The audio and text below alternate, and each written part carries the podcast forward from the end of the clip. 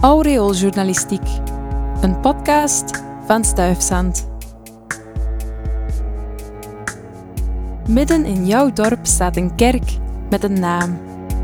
Maar ken je ook de mens achter die naam? Vandaag vertelt Gert Melis Maas je het verhaal van de heilige Nicolaas van Myra, Sinterklaas, die in de katholieke kerk gevierd wordt op 6 december. Nonkel Nicolaas. Jullie kennen Sinterklaas als een vriendelijke oude man in bischopskledij.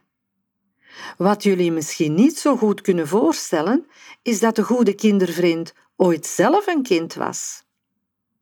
De legende zegt dat hij als baby op vaste tijden melk dronk bij zijn moeder, maar niet op woensdag en vrijdag, de vroeg-christelijke vastendagen.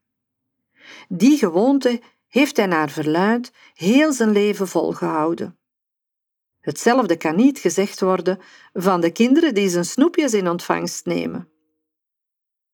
Nicolaas leefde in het begin van de vierde eeuw en is een van de enige vroege heiligen die een hoge leeftijd gehaald heeft en een natuurlijke dood is gestorven in plaats van een martelaarsdood.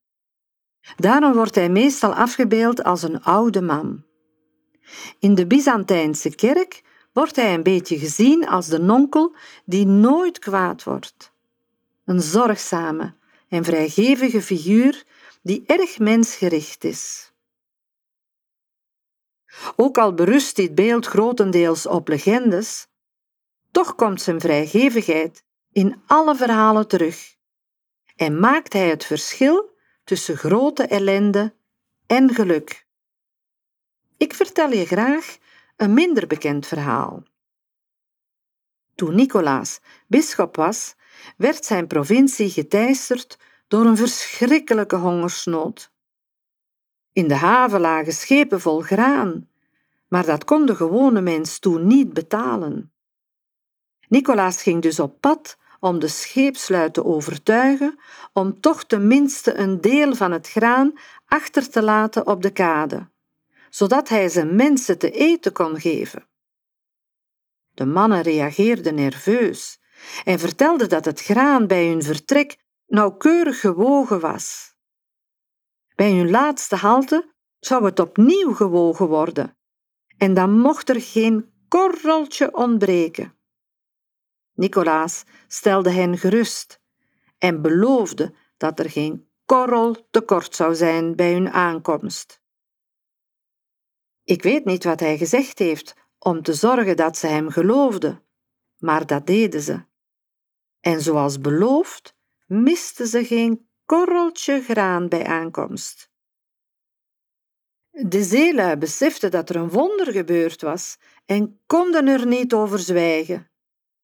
Nicolaas verdeelde het achtergebleven graan onder zijn mensen en er was genoeg om hen allemaal voor twee jaar te eten te geven.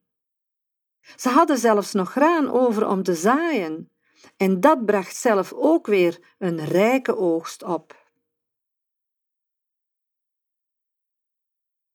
In Dessel, Meerlaar in Laagdal en Molpostel vinden we kerken die gewijd zijn aan de heilige Nicolaas.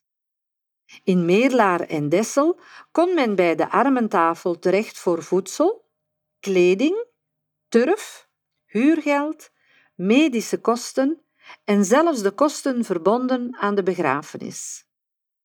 In Postel deelden de paters brood uit aan de abdijpoort.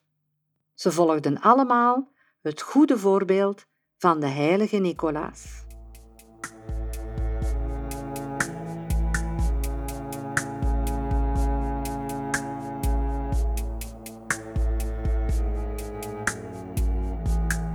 Dit was een podcast van Stuifzand en de klassen Woord en Audio Engineering van de Geelse Academie voor Muziek, Woordkunst, Drama en Dans, met steun van de Vlaamse overheid. Heb je nog vragen, suggesties of opmerkingen? Laat het ons weten op info.stuifzand.be. Dankjewel voor het luisteren.